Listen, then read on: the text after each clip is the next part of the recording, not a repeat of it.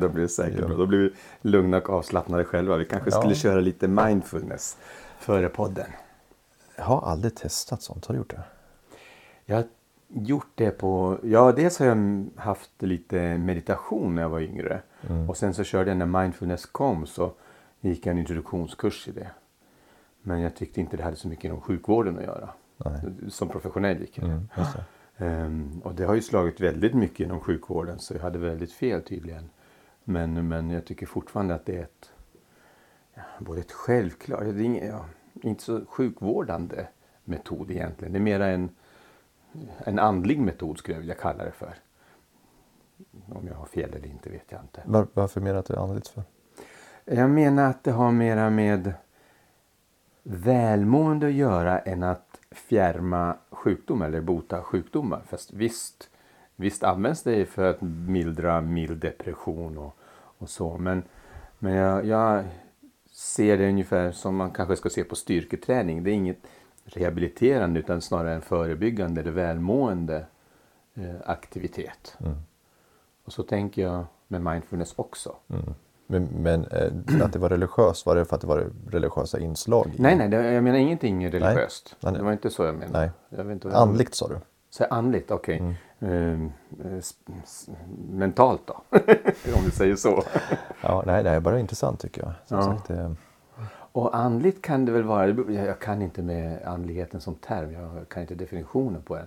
Men jag tycker att um, personlighetsmässigt och upplevelsemässigt och känslomässigt, det har ingenting med religion att göra, men det kan vara nära en andlig upplevelse. Jag upplevde min meditation ibland som väldigt, jag ska kalla det för spirituell då. Alltså det gav ju någonting en nollställande av psyket. Det gav, ibland så kunde det gå, jag kommer ihåg en gång när sex timmar gick och jag hade inte ens förstått att det hade gått någon tid. Jag tyckte att jag bara hade andats ett par gånger och sen tittat på klockan och så hade det gått sex timmar.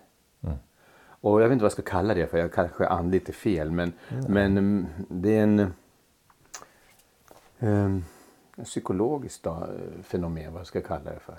Och också det här när det blir, när man lyckas, om man lyckas med vissa meditationstekniker väl så avser man ju att man ska inte tänka på något, att man blir helt blank i sinnet. Och när man kommer dit, jag vet inte vad jag ska kalla det tillståndet, jag kallar det för blank eller tom. Ehm, och det är också nästan en form utav inte överjordisk, men en, en annorlunda, en, en väldigt svårbeskrivlig och svårdefinierbar upplevelse och känsla. och, och det är väl inte underligt i och med att vi aldrig gör det. Eh, det är som alltid med det, det outforskade så blir det klart alldeles nytt. Och har man aldrig gjort det förut och så får en sån upplevelse, det är klart att den, den gör någonting med, med dig som individ. Ja. Ja. Eh, precis som att du stark eufori som du kanske aldrig upplevt kan också eh, skapa någonting som, som man också Ja. kan se som eh, någonting övernaturligt eller överjordiskt eller transcendalt. Då kommer vi in på det här som jag väldigt ofta funderar på och träffar väldigt ofta i mitt yrke och som jag inte heller har något svar på. Som kanske är intressant att höra med någon som har lite andligare perspektiv. När det gäller bipolära människor, manodepressiva människor. Många som har varit riktigt maniska. De är för omvärlden riktigt sjuka. De gör dumma, oöverlagda, konstiga saker. Ehm, men många av dem upplever att den här euforin som du pratar om har tillfört något i deras liv som är ett mervärde som jag nästan kan kalla vid frälsning. Alltså de, de, de anser att de har nått någonstans dit där andra människor inte har nått. Även när de sen är medicinerade och välmående och normal stämning och allt. Eh, Och tycker att det är fel till exempel att medicinera för de vill vara där uppe. De vill vara i kontakt med det här högre tillståndet. Ja, ja visst, och det har man ju hört många berättelser om att eh, man ser färger, alltså all, all, hela världen blir färger och det är otroligt mycket sinnesintryck. Ja. Ehm, så att, ehm, och det tror jag definitivt, alltså många gånger de religiösa upplevelserna bygger ju ofta på inte alltid, men det händer ju också att det finns yttre stimuli som man har tagit som gör att man når också vissa tillstånd. Ja. Eller späkning, att man inte har ätit på väldigt lång tid. Man har eh, inte sovit. Alltså det finns många saker som gör som påverkar ens sinnesupplevelse. Och, och, och jag, jag kan förstå det här just att för de som är i, i, i den situationen, vad heter det, eh, när man har just den här upplevelsen. Eh, när man är, det finns ju det är lite olika saker, när man är låg eller man är hög så kallas det för. Manisk eller hypoman? Ja, precis. Ja. Eh, eh, så, så, så säger de att de vill inte komma därifrån. De vill ju vara kvar där. det. Eh, och kan ju vara där under flera dagar vad jag förstått också. Ja, ja, ja, otroligt kreativa, de, de Ja. skapar Ja. och målar och grejer. Och, Och mycket energi. ja, Eh, Har mer kreativitet. precis. Så att jag tror definitivt att det är samma eh, effekter vi ser där som, som skulle kunna tecknas som en religiös upplevelse. Mm, mm. Ehm, Och allting handlar ju om den kontextuella situation man befinner sig i. Är man i som i ett eh, religiöst sammanhang så är det klart man tolkar det utifrån och då kanske man till och Ja. med skulle tolka ett sådant tillstånd som egentligen eh, handlar om bipolaritet så skulle man kunna tolka det som att det är en religiös upplevelse. Ja. Nu är vi helt på något annat spår, men det sägs ju väldigt mycket att Jobs bok i Gamla Testamentet är skriven av en gravt deprimerad människa. Som ser allting så där svart som Jobb gjorde. Mm. Och det är inte alldeles omöjligt att det är, är så. Och, och i takt med att vetenskapen utvecklas så får vi andra förklaringsmodeller till saker som tidigare förklarades som andliga. Mm. Ja. Ehm, att folk blir besatta av demoner i, Bibeln. Idag så ser vi att det är epilepsi. Ja, exakt. Så att eh, definitivt. Ja. Och det här är ju svårt att, bedöma. Ja, men, eh, ibland kan man känna att man blir nästan reducerad i sin upplevelse när man kan förklara det biologiskt. Istället för att det var andligt. Då. Mm, mm. Och det, nu är vi liksom på väg in på vad vi ska prata om. Ja. Välkommen till Löparens själ, nästa avsnitt. Det var en stund sedan sist. Ehm, Vi har i alla fall eh, gått in i hösten och lite lugnare period. Så om jag säger ordet vila till dig Janne, vad tänker du på då? Ja, det är en bra fråga. Jag, jag jobbar med den frågan väldigt mycket, inte minst inför det här samtalet också. Men, men jag är dålig på att vila. Mm. Jag saknar någonting i mitt liv känner jag. Att, eh, förmåga till att faktiskt riktigt gå in i vila. Och nu pratar jag inte bara om att inte träna utan om att faktiskt stänga av alla yttre intryck och, och flöden som kommer. Eh, det där är jag är fostrad så, man ska alltid jobba, man ska alltid göra någonting. Eh, men för, för mig börjar vila bli mer och mer viktig. Just att kunna försöka att göra ingenting och, och bara sitta tyst och inte göra någonting. Det, det gör jag hemma ibland. Jag sätter mig i trappan när ingen är hemma. Så, konstiga platser sätter jag mig på och så sitter jag där bara och, och bara ibland lyssnar på om det är något ljud överhuvudtaget. Eller, och det är ganska skönt. Det är en bra förmåga och bra att du ser det så. Vi har ju gått ifrån bondesamhällets tid. Då vilade vi bra mycket mer än vad vi gör nu. Idag med alla möjligheter och all stimulans och alla krav vi har på oss själva så, så vilar vi på alla möjliga sätt mycket mindre. Vi sover två timmar mindre per natt nu än vad vi gjorde 1947. Ja. Och vi har ingen naturlig vilodag som vi hade i söndagen en gång i tiden. Nej, det. Och det tycker jag oavsett om man eh, har religiös uppfattning eller inte så tycker jag att vi har förlorat någonting när vi har tagit bort en dag i veckan där vi faktiskt inte kanske ska aktivera oss så mycket. Utan det, på den tiden så var det ju klart, då var det ju tvång och, och många gånger så var det säkert många som mådde dåligt för att de var ändå tvungna att göra någonting. Men att, att aldrig få en paus, jag tror vi ser resultatet av det också. Att vi, vi är alltid uppe i varv och vi ska alltid ha ett projekt och, och ta varenda timme och minut i anspråk. Jag tror det eh, det ord som jag ofta saknar i vårt samhälle och det ord som även inom löpningen och överallt saknas är balans. Balans mellan vila, upp, återhämtning, uppbyggnad och sen när man tar ut från bankkontot när man presterar och spenderar och anstränger sig. och jag tror det måste till en balans. Och jag tror att det är precis som du säger att det är på flera plan den här balansen måste finnas. Jag kan se anspänning eller ansträngning i tre olika parametrar. Och jag, när, om vi pratar om löpning så tror jag att väldigt många löpare missar den. För jag pratar ofta om trötthet i form av muskulär trötthet. Det är en och det är alla medvetna om. Och det tillskriver väldigt många även när de har någon av de andra tröttheten och den andra tröttheten är den mentala tröttheten.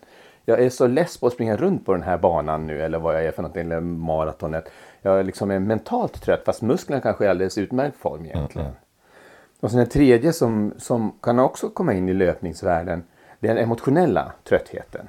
Man, eh, inte lika vanligt kanske i löpning, men man kan bli så uttråkad. Mm. Till exempel. Man kan få, eh, jag vet att när jag, det har jag diskuterat förut, att när, många gånger när jag sprungit i mål, så vad känner jag? Jag känner ingenting. För jag är emotionellt helt tömd. Mm. Jag känner väldigt lite. Jag känner inte den här befrielsen eller lyckliga upplevelsen ofta gånger när jag sprungit långt och kommit i mål. Utan jag känner bara en tomhet. Mm. Och det är för att då har jag liksom tömt i alla fall två av de här tre um, faktorerna. Och det som du säger, att bara sätta sig ner och, och vila mentalt. Mm. Det, det, det är jätteviktigt och det tror jag folk glömmer bort. Och löpare blandar ihop det. När de är mentalt trötta, eh, emotionellt trötta så tror de att det är fysisk trötthet. Det, det är någonting som jag brukar behöva tänka på ibland mm, själv. Ja, visst. Och jag tror att, eh, jag skyller på Descartes i den här frågan. Eh, Kant? Nej, Descartes. Descartes. Eh, han, han gjorde ju uppdelningen mellan kropp och själ så väldigt tydlig. Det vill säga att, att kroppen var en sak och själen var en annan sak. Mm. Eh, och sen så kom han på att troligtvis var eh, tallkottkörteln som finns i mm. hjärnan. Mm. De hade mm. precis upptäckt att det fanns ett, en, en till sak i hjärnan och då trodde ju då eh, Descartes att ja, men det där kontakten mellan själen och kroppen sker, den sker i tallkottkörteln. Så att mm. säga. men det finns inga belägg alls för det. Men någonstans måste det finnas en kontakt mellan det fysiska och det andliga. Mm, det. Men vad han ställer till med kan jag tycka, det är just det faktum att just den här dualismen som vi kanske var inne på förut också mellan kropp och själ mm. har levt kvar väldigt mm. lång tid. Att ja, men kroppen är en sak. Vi kan träna den hur mycket som helst och vi kan köra och, liksom det, och själen är en annan sak. Mm. Istället för att just se att det här är, som du var inne på, en enhet. Mm. Just det. Och, och eh, där tror jag vi, vi är många löpare som är dåliga på att vi vet tror jag innerst inne att vi behöver vila. Ja. Men vi gör Men det inte. Vi gör det inte. och, och, jag följer forum här i alla möjliga löparforum och det gör ju du också. Där, där jag ser liksom när man ändå blir sjuk, vilket kan vara en reaktion på att kroppen faktiskt också säger att men nu måste du vila. Ja. Eh, och då hänger man på de här forumen och känner sig sämre för att alla andra är så mycket bättre och presterar så mycket. Mm. Och det, det, man gör mest är att hur hittar jag en snabb väg tillbaka så att jag kan fortsätta mm. träna? Mm. Istället för att lyssna på frågan den grundläggande frågan, men varför är jag där jag är idag ja, helt enkelt? Vi behöver återhämtning, vi måste ha det, både alla former av återhämtning för att vi ska kunna utvecklas och bygga muskler. Jag tror att det är väldigt viktigt att ha en off-season period när man inte tränar på det sättet som man brukar göra. Um, och det, det, där är många som inte mäktar med. Mm. Vi vill så mycket. Vår vilja är så stark. Jag vill springa, jag vill vara med på det loppet, jag vill vara med på den gemenskapen eller sammankomsten. Eh, så vi glömmer bort det, eller vi, vi väljer bort det. Ja, och vila, jag har också funderat kring det. Vila är ju per definition nästan också ensamhet. Okej. Okay, ja, men alltså man vilar ju ensam. Ja, man ja. tränar ihop, vi tävlar ihop. Ja. Men vi vilar alltid ensam. Ja. Eh, stort sett. Ja, det, det, är inte så att ja, men nu, nu ska jag vila, ja, men då, då kommer jag hem till dig och sitter och vilar med dig. Ja, vi gör saker. Och, en, och en, en, relation bygger på att vi gör saker. Mm. Mer eller mm. mindre. Och mm. vi, vi, som springer mycket, vi, vi springer tillsammans och ju längre vi kan desto roligare är det också tycker vi. Och det här, Mm. Jag vet inte om jag har fel i det, men jag har börjat reflektera över att, att vila är en ensam solitär aktivitet som, som jag tror kan vara ganska jobbig för många. Mm. Ja, ensamheten är jobbig att vara, att stå ut med vara utanför eh, just nu löpargrupperna eller ja, gemenskapen. Det, den är väldigt besvärlig, så mm. det tror jag också för många, för mig och för många.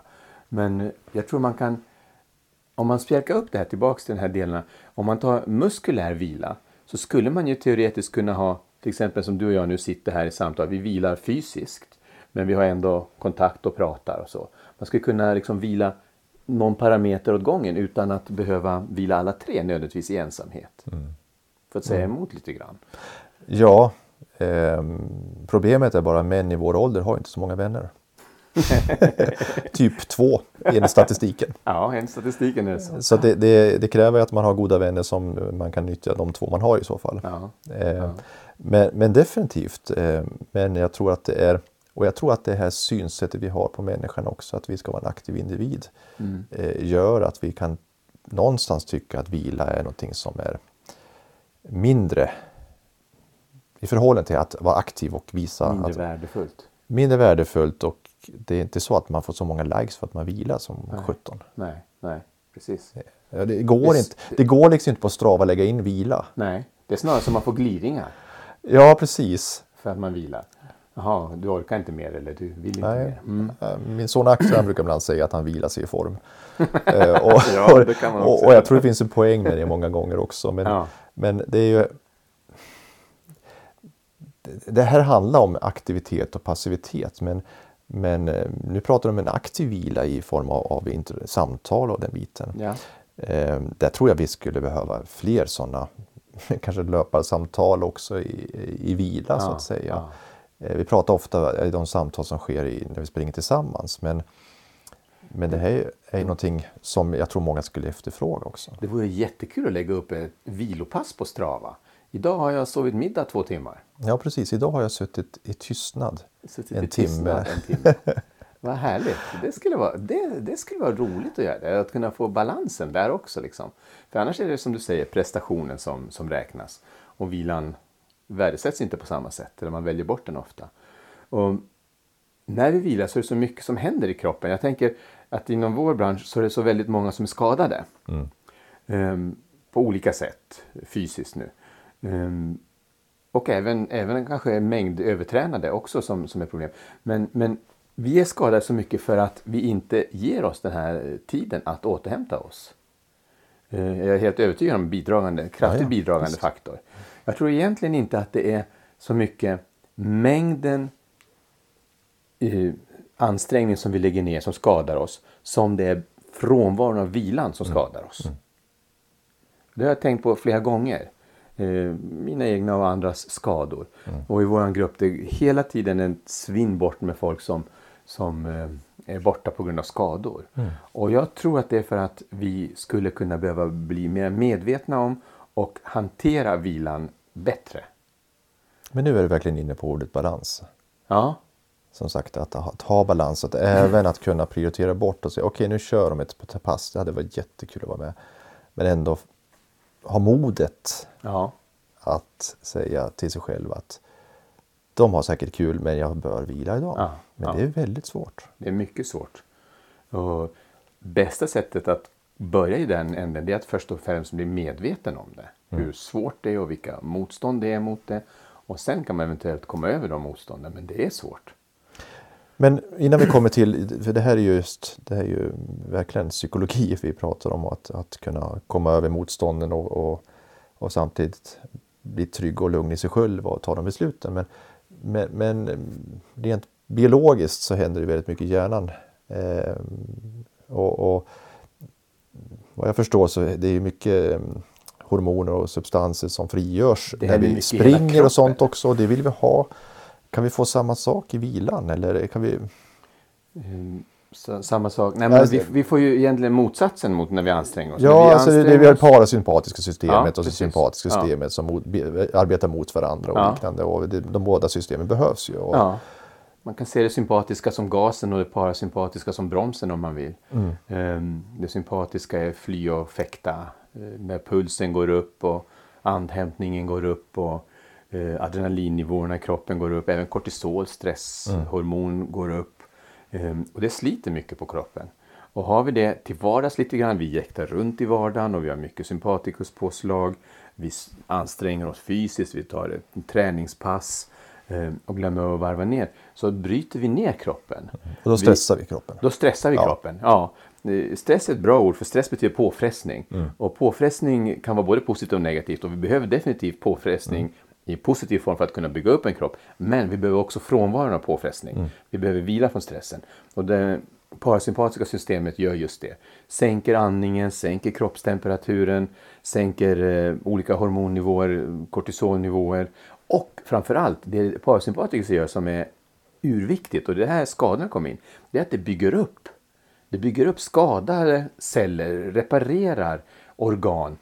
Sköt den här superkompensationen som vi är ute efter när vi blir lite starkare efter varje pass vi gör, lite bättre. Kallas för superkompensation, man blir eh, ersätter de skadade cellerna så bygger man på med två, tre celler till eller fibrer eller alveoler eller vad det är för någonting för att kunna klara av påfrestningen bättre nästa gång. Och det är det parasympatiska systemet som gör. Mm. Och sömn och meditation och vila. Och har vi inte det, då bryter vi bara ner. Då tar vi bara ut från kontot om vi använder det ordet. Mm. Och då kommer skadorna. Mm. Garanterat. Både slitningsskador, skador, utbrändhetsskador, mentalt utbrändhet, överansträngning, överträningsskador och sånt.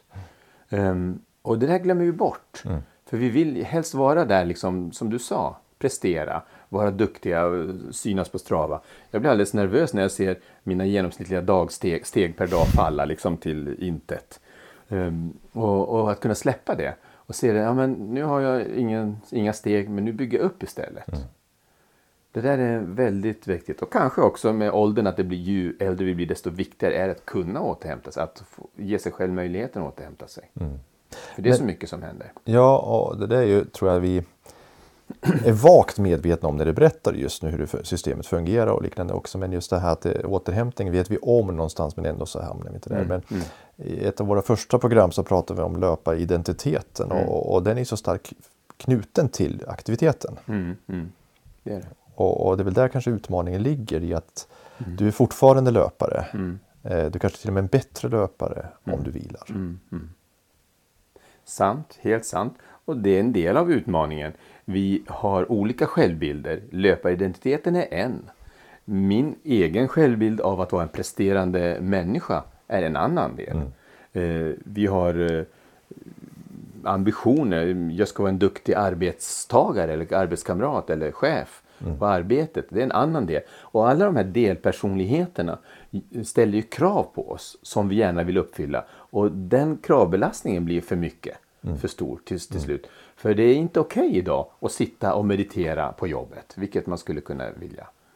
Nej, det där är ju alarmerande. Det var ju länge, jag satt i sådana kontorslandskap en gång i tiden. Helt mm. värdelöst ju. Ja. Att sitta i sådana. För att I mitt jobb så ingår det väldigt mycket att läsa. Eh, ja. Och, och, det måste jag göra för att kunna uppdatera det det som händer inom mina områden.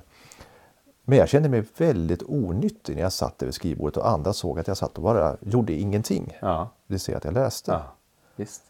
Eh, och, och, det här är ju...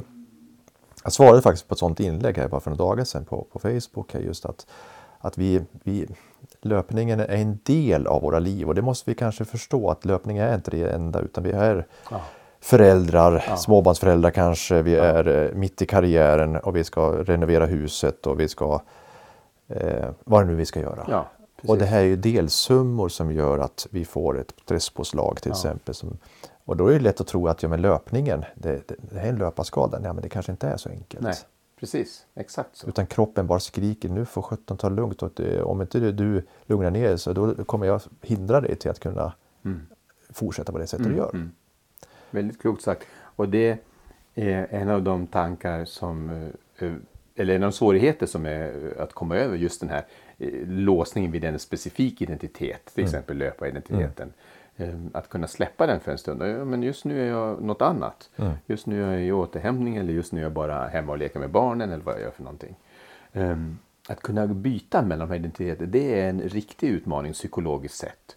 Eller bara en sån enkel grej. Nu är jag inte löpare längre, nu ska jag vara skidåkare eller vad något annat. Liksom byta bara gren. Man kan göra det en... steget är stort nog. Ja, man kan göra det ännu enklare. Alltså om man inte kan springa kan man ju prata om det i en podd. om, om löpning istället. nu vi pratar Precis, istället. Behåller man identiteten trots att vi inte särskilt eh, Ja, vi rör oss väl ganska mycket ändå, men du har ju valt att eh, för en period nu att nu springer du inte. Utan... Det är därför det här avsnittet heter vila, för vi har, vi, jag tror båda två har vintervila nu. Um, en eh, avsiktlig och någon månad, två månader lång period när det är meningen att jag, jag eh, vill lägga ner ambitionsnivåerna eh, på löpningen garanterat men på träning och rörelse överhuvudtaget. Mm. Just för att ha lite tid för kroppen att återhämta sig. Vi har det här med kemin igen. Vi vet att för mycket påfrestning ger dåligt immunförsvar. Vi har jättemycket smittor runt omkring oss.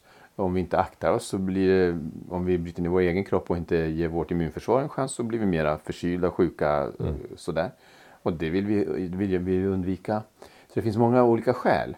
Mm. Men, men ehm, också just eh, den här svårigheten. Jag, jag triggas av utmaningar. Och utmaningen är att komma över olika trösklar, att kunna släppa en bit av identiteten eller en bit av prestationsångesten eller vad vi nu eh, vill ha som skäl. Det triggar mig och det försöker jag komma förbi. Det är mm. inget sånt som ska få hindra mig från att göra det jag vill. Mm. Tänker jag ofta. Um, och byta, jag tycker det är bra uh, att man har lite fler använder metafor igen, strängar på sin lyra. Man behöver inte bara vara löpare, man kan vara annat också. Hitta andra delpersoner som också väger upp det. Mm, mm. Även om det är svårt, och det är just det som är kruxet. Ja, men då kommer ju in på den frågan som alla vill ha svar på, just vem är jag? Mm, och det är egentligen det vi vill. Uh, och det är nästan, därför är löpningen på ett sätt och vis lite lätt, för det, det är så tydligt resultat. Ja. Det är så lätt. Det är svårare att kunna visa på en, jag är en god medmänniska. Ja, det går inte det. att mäta. Nej. När jag sprang i somras flera gånger så tänkte jag vad enkelt löparlivet är. Mm. Jag behöver bara sätta en fot framför andra, äta lite, dricka lite ibland. Sen behöver jag inte göra någonting, jag behöver inte ha fokus på något annat. Det var ett sånt enkelt, behagligt, enkelt liv. Mm. Okomplicerat. Så.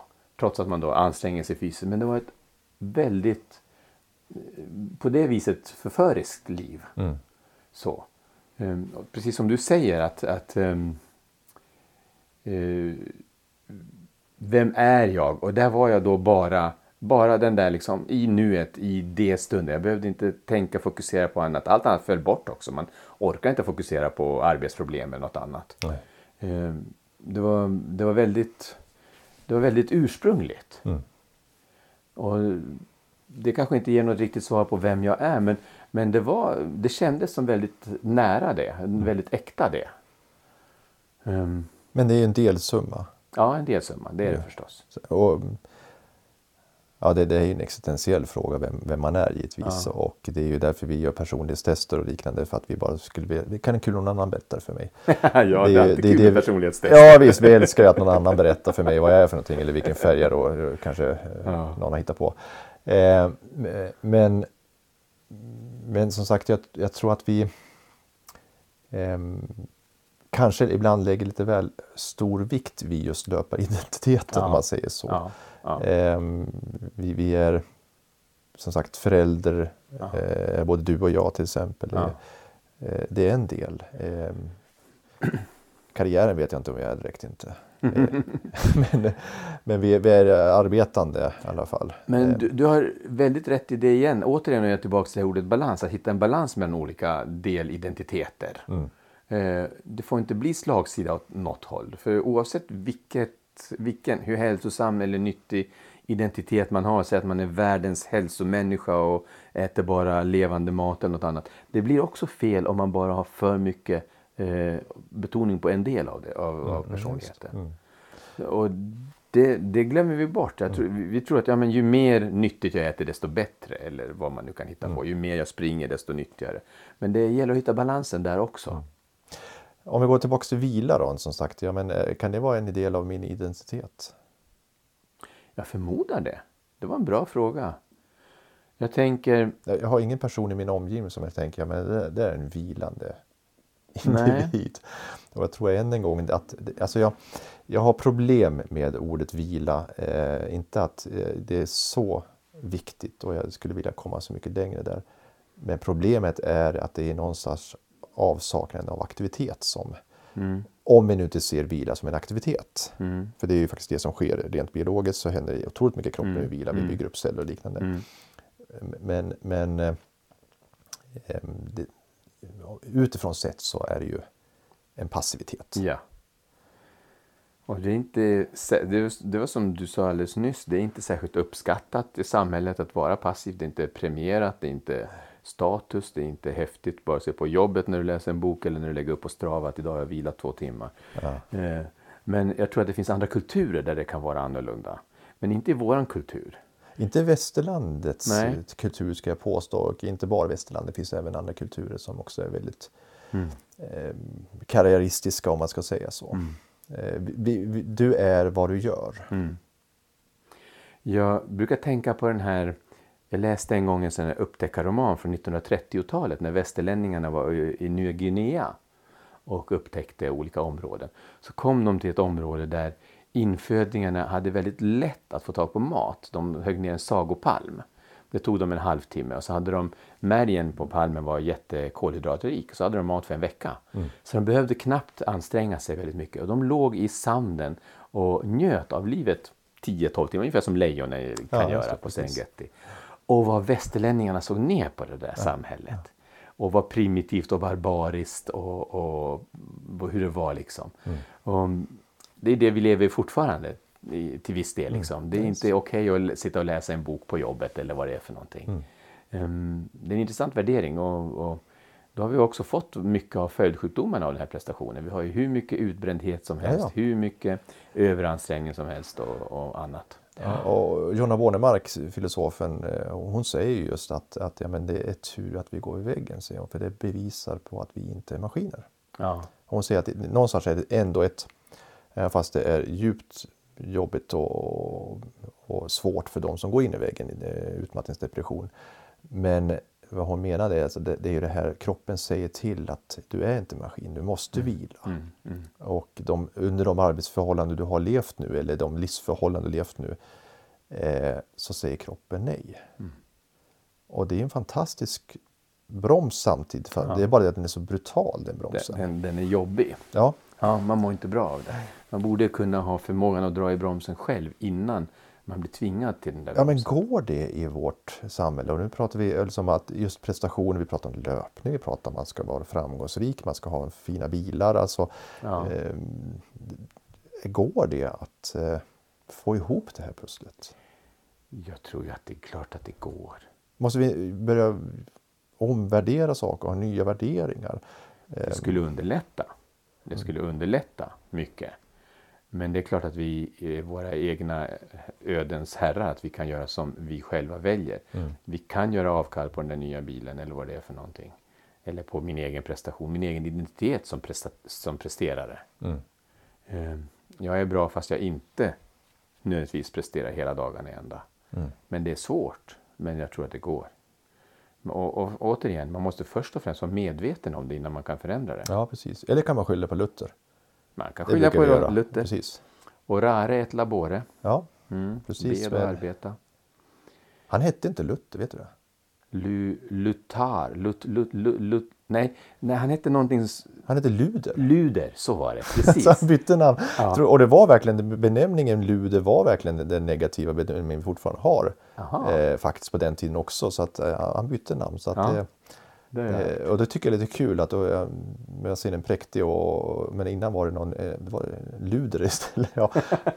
Nu är vi helt fel nu är vi ute. helt off vila. Men i vilket fall. Nej men vi skyller alltid på, på Luther att, vi- att det är det ena eller det andra. Vi, och jag, jag tror att det, det är också ett ganska naturligt beteende. Vi kan alltid skylla på någonting annat. Mm, mm, Det är väl kanske en viss svensk mentalitet. Ja men det, det här måste staten göra någonting åt. Istället för att ha ett eget Mm. Ja. ansvar. ja, ja, men så är det också Mm. mycket. När vi blir utbrända så vill vi ha liksom, på olika sätt sjukskrivning och behandling och hjälp och ersättning och allt möjligt. Staten ska hjälpa oss. Ja, och det är fantastiskt också. Att, men men, men eh, och, och jag tror att vi hur hittar vi verktyg för att kunna bromsa tidigare och hur hittar vi en legitimitet i vårt vilande? Ja.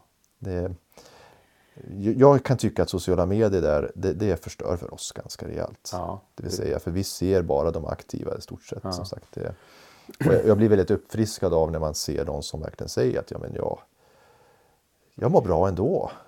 Det är ju en echo chamber i sig. Ja, ja det är verkligen medier. ekokammare. Ekokammare. Ja, Ja. Och, och utan tvekan så, så påverkar det oss. Mm. Ja. Och det är samma sak. Hur ska man klara av att hantera det? Vilka är det som vågar vara utanför sociala medier? Hur klarar vi av att inte få den där inputen hela dagen? för- och hur värjer vi oss mot precis. För att det är också en del av vår identitet. det? Ja. Ja. Så att vi, Precis. alltså det är ett visst, verkar vara ett visst antal begrepp här som återkommer. Det blir en sorts, Ja. eh, men jag tror identitet är väldigt viktigt i de här sammanhangen Ja. och då är vila inte ett legitimt eh, område att, Nej. att man åtminstone skyltar Ja. eh, för. Med. Jag har haft så många patienter på sista veckorna, månaden, som har kommit och säger det måste vara något fel på mig, jag är så trött. Mm. Och jag vill ha de här proverna tagna och jag har den där vitaminbristen och jag ska kolla det. Och jag kollar och vi kollar och jag är helt säker hela tiden. Det är inget biologiskt, det är inget eh, bristtillstånd eller något annat. Du är överansträngd eller överjobbad. Och så är det hela tiden. Och folk ser inte. De, man, man tror att det ska vara något annat. Ja, men jag måste ha blodbrist eller något liknande. Ja, men visst. Och, och det är så skönt om vi då kan få något ämne, vi, vi får lite påfyllnad av någon serotonin och liknande så Ja. att vi mår lite bättre. Istället för att ta eh, och försöka bli insiktsfulla och se det här och släppa eh, driven tidigare. Kravet, eh, vilan, få vilan. Ja, men klarar vi av det då? Har vi, det, har vi den kunskapen? Tror du? Ja, jag vet inte vilka vi är i genomsnitt. Jag tror nog i genomsnitt i Sverige idag så upplever vi nog en jobbig stress. Det tror jag. Och är medvetna om att vi gör och anstränger oss för mycket. Det är de flesta medvetna om. Men kanske inte till den graden att vi är beredda att, att bromsa. Nej. Så det, det är en bra fråga. Vad är, vi, vad är vi kapabla till? Hur mycket herre över vårt liv är vi? Ja, tämligen lite är jag rädd för. Ja, min, min, min uppfattning är att vi är... Ja, det, Vi det är här är nog- en av de ställen där vi har diametralt motsatta åsikter. Ja, jag tror att vi är väldigt förslavade eh, under eh, normer och eh, ja, hur, hur vi ska vara och vad som är viktigt i ett eh, prestationssamhälle. Ödesbundna. Jag tror inte på ödet å andra sidan. Hela mm, ärftlighetsbundna, vad kallar du det? Ärftlighetsbundna, definitivt. Det finns genetiska eh, saker som, som det har ju du läst mycket om också. Men, men det tror jag säkert. Men jag tror att vi är, eh, jag tror vi är slavar eh, i hög grad. För att det kräver väldigt mycket att gå emot. Det, och det är ju det är Nietzsche inne på, någon sorts slavmoral han pratar Ja. om också. Men, och de, de modiga är de som vågar gå, i, Ja. gå emot så att säga. Och det skulle, nu går vi tillbaka till vilan. Ja, den modiga är den som kan eh, stolt eh, utan att behöva förhävda sig själv också eh, vara den som, som vilar och gör det Ja. på rätt sätt så att säga. Men om du säger så starka ord som eh, slavar under, under våra omständigheter, då innebär det att vi har väldigt liten egen fri vilja. Ja, den fria viljan är ju en spännande fråga Ja. och eh, jag tror väl att till viss grad har vi fri vilja men eh, Utan att säga emot dig själv nu alltså. Ja, det, det, vi, vi är inte helt ödesstyrda. Jag tror att vi har inom ramen, inom ramen för den kontext vi finns i så har vi viss möjlighet att kunna påverka våra val. Men inte särskilt mycket, Okej. eh, är min uppfattning. Alltså, vi, vi har vuxit upp i de förhållanden vi vuxit upp i. Och även fast inte miljön nu tillskrivs lika stor vikt som tidigare faktiskt. Det har ju blivit ny forskning på det också. Men, Mm. men arv och miljö påverkar klart oss också. Men vi också är privilegierade att bo i ett sånt här land där vi har möjligheter och, och Mm. liknande. Och plus också de krav. Alltså hade vi bott i ett land där vi var, just var tvungna att jobba för brödfödan så hade vi inte haft tid att springa så Nej. mycket. Nej. Och det tror jag vi har pratat om förut också. Eller tänka och prata så mycket, fundera så mycket. Nej, precis. Så att vi är sjukt priv- privilegierade men det är också vår stora förbannelse. Mm. Ska jag påstå. Mm. Jag tror också att vi har vissa delar som är förutbestämda. Vi kan inte göra allt för mycket åt genetiken. Min intelligenskvot eller min emotionella kvot eller min längd eller vad det nu är för någonting. Men det finns väldigt mycket, och när det gäller på det personliga planet, om vi håller oss där, som vi, om vi vågar, som du säger, om vi har modet att lyfta oss själva i håret så kan vi det. Men och då kommer vi ner till det här väldigt centrala frågan. Vad är det som gör att vissa kan och vissa inte kan? Det har jag inget bra svar på. Men jag, jag är helt övertygad om att vi alla har fröet eller förmågan till att kunna gå bortanför eh, våra begränsningar. Ehm, Och då är frågan är som sagt, är det av egen fri vilja vi har valt det eller är det så att vi har bättre genetiska Ja. förutsättningar? Det, Ja. eh, Jag tror, Ja, jag förstår att det låter väldigt eh, ödesdigert och eh, svart att måla upp den bild jag gör. Jag tror att det finns möjlighet att spränga de gränserna. Och det är faktiskt det Nietzsche säger också. Ja. Vi kan gå ur slavmoralen Ja. och bli herre över våra liv. Ja. Egna liv. Är det det som är övermänniskan? Det är övermänniskan, precis. Och inte att förknippa med någonting alls, med någon, någon, inte elitism eller någonting Nej, annat. nej, eh, nej, nej, nej, nej. Men i vilket Utan fall, Nietzsches övermänniska. Nietzsches övermänniska, precis. Så att han menar att vi, vi är ju slavar under, i, i hans fall pratar om kyrkan också, Mm, religionens slav. Det säger Marx också, samma sak där. Mm. Men det- man, har man modet och har man styrkan så kan man gå utöver och bli det vi egentligen men- menar till att bli. Det vill säga en övermänniska. Mm. Och det kan alla bli egentligen. Eh, om vi nu spränger gränserna så att säga. Mm. Och det jag tror att det i grund och botten handlar om att just som du säger att eh, vara den personen som lyssnar på sin egen röst, som vågar stå för sina egna uppfattningar kanske gör- gå tvärt emot strömmen så att säga. Har, du säger att alla kan det där, sa du? Alla kan det. Så då har Absolut. vi egentligen inte någon ödesbunden slav... Nej men slavmoralen kommer Moral. ju från yttre, eh, Ja, yttre betingelser eller yttre normer. Kyrkan i det här fallet var det. Ja, eh, samhället, samhället idag. prestationsnormen. Precis. Vad du vill. Ja. Mm. Så att det är ju det, är det som lägger locket på oss. Ja. Det är därför vi fortsätter att träna, för alla andra gör det. Ja. Och den, den modiga går en annan väg. ja. Och den kanske går och vilar istället.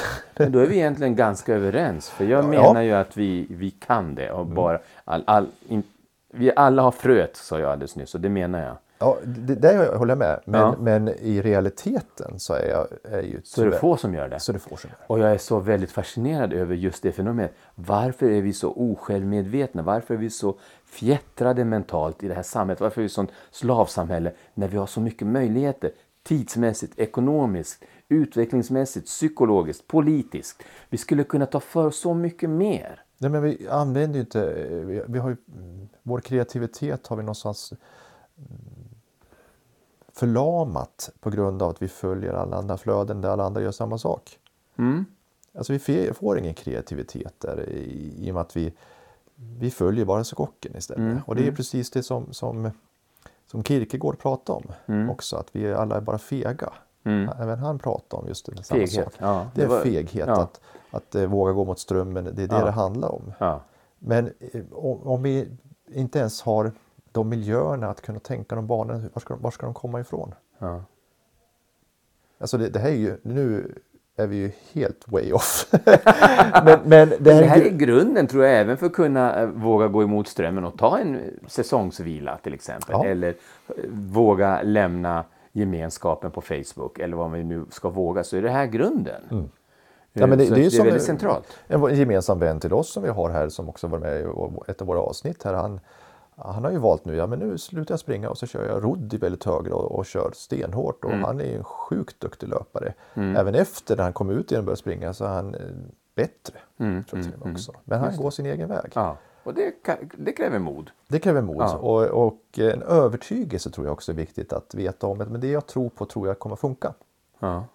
Jag har inte lyssnat på någon annan som har gjort så. Det, kanske han har gjort också, men, men i vilket fall så tycker jag det är, eh, jag tror övertygelsen är Man kan inte också. komma ur det där utan att ha övertygelsen, utan att veta vart man ska då. Jo, kan man kanske. Det kanske man kan. Ja. Ja. Men, men eh, så därför så tror jag att, att eh, om vi återgår till vilan här som sagt, det, det kanske också att vara en del av övermänniskan låter så, så otäckt det begreppet tycker Det har jag. blivit eh, stigmatiserat, men Ja. vi använder oss av Kierkegaards begrepp som Ja, är den, det, den fria människan eller vad vi ska Ja, precis. för. Den, precis. Den, mod, den modiga. Eller, mm, Martin Buber tror jag pratar om eh, a leap of faith på något vis. Ja, att ett ja. hopp i tro. Ja. Vilket jag tycker är ett fantastiskt begrepp egentligen. Att jag, Ja. jag har ingen aning vad det kommer bära eller brista. Men jag hoppar i tro att det kommer bli. Och bara det kommer att göra det så mycket enklare. Än Ja. Bara med att ta hoppet. Ja. Och man behöver inte nödvändigtvis ha ett mål utan man vågar hoppa utan att man vet vart man landar. Precis. Yes. Och det kan ju vara en löptävling också. Låt oss säga att okej, jag, jag har aldrig gjort det här men nu tar jag ett hopp i tro Det är och hoppas att det mycket så. funkar. Det är väldigt mycket så. Och det är Ja. då man får belöningar. Det är då Mm. man verkligen kan utvecklas och komma någon vart och se, uppleva eh, både nya saker men även personligen nya saker. Mm. Framförallt personligen nya saker. Wow, jag klarar av det här också. Jag visste inte att jag hade det här i mig. Nej. Nej. A leap of faith tycker jag är ett väldigt spännande uttryck. Mm, det är ett väldigt fint uttryck, jag håller med. Men du, eh, Jag brukar använda, bara för att använda, eh, prata om olika terminologi. Jag brukar kalla det för självmedvetenhet. Att man är självmedveten. Man vet sina gränser, man vet hur man tar sig över sina gränser. Man vet vad man har, ibland väldigt ofta inte vad man får. Men att man liksom ser de här mekanismerna och vågar handskas med dem. Tycker jag är väldigt centralt i ens liv. För att vara en mogen person. ja, självmedvetenhet är ju svårt. Ja, ja. Plus att vi har det små, rätt många blind spots också så att vi inte ser Ja. allting heller. Ja, precis. Men precis som man gör inom eh, ta idrotten så, så tränar man på sina svagheter. Så måste man göra det även på det psykologiska planet. Jag är dålig på sprint, jag behöver träna mera sprint. Men du säger att du går in i, i vila, hur går det för dig? Det går bra. En annan sån här grej. Jag har lite skada. Jag har en, en axel, ont i en axel. Som inte har med löpningen att göra i och för sig vad jag vet. Men en annan eh, insikt jag brukar få det är att väldigt ofta när jag går in i vila. Eh, och inte bara jag utan man. Det är då väldigt ofta som skadorna dyker upp. Alltså att man, man, man börjar känna efter och man Åh, nu hade jag ont. Alltså jag vet inte vad man mera känner efter eller mera ger utrymme för det. Men då brukar det komma en period när man inte mår fysiskt topp. Har du känt det? Känner du igen det Jo, fenomenet? men det kanske är, det är någon sorts nocebo-effekt då. Ja, kanske det. Ja, ungefär så. Eh, I motsats till placebon. Eh, nu fick vi en katt här som vill ge sig påmind. Ja, Sitter och spinner här hos dig i ditt knä snart, precis. antar jag. Eh, ja, jag tror att faktiskt att, att eh, kroppen kanske vill säga någonting Ja, sådana gånger. Det- När man går och vila. så har jag också tänkt. Jag har ju ofta pratat om att man kan springa bort smärtor men det kanske är viktigt att eh, omfamna den smärtan och, se den att ja, men nu kanske den säger någonting till mig istället. Att jag, Jag brukar se det som en, en del i återhämtningen. Mm, ofta man blir lite mer förkyld när man, in, när man precis har slutat träna och så. Och jag ser det som att eh, det är en del i återhämtningen. Apropå vila. Ja. precis. Och återigen, det är cykliskt. Man har en period när man inte är på topp fysiskt och, och behöver vila och sen så eh, bygger man upp kroppen. Ja, vi behöver den vilan, definitivt. Så att det vi skulle kunna rekommendera alla det är att våga ta ehm, och kliva utanför sina förutbestämda mönster. Så tänker jag.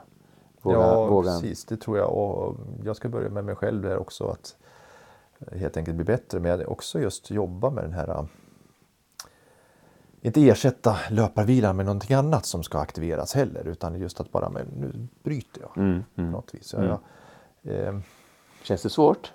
Jo, men det är svårt. Och, men kroppen, tal, kroppen berättar så mycket. Jag, jag hörde, det var tidigt, det var eh, för länge sedan jag hörde att under bara en sån sak, det här med, med söndagen vi var inne på alldeles nyss här också, med att, att kroppen behöver vila. Eh, det är som att det var intressant i samband att man blir gravid, en man, när en kvinna blir gravid.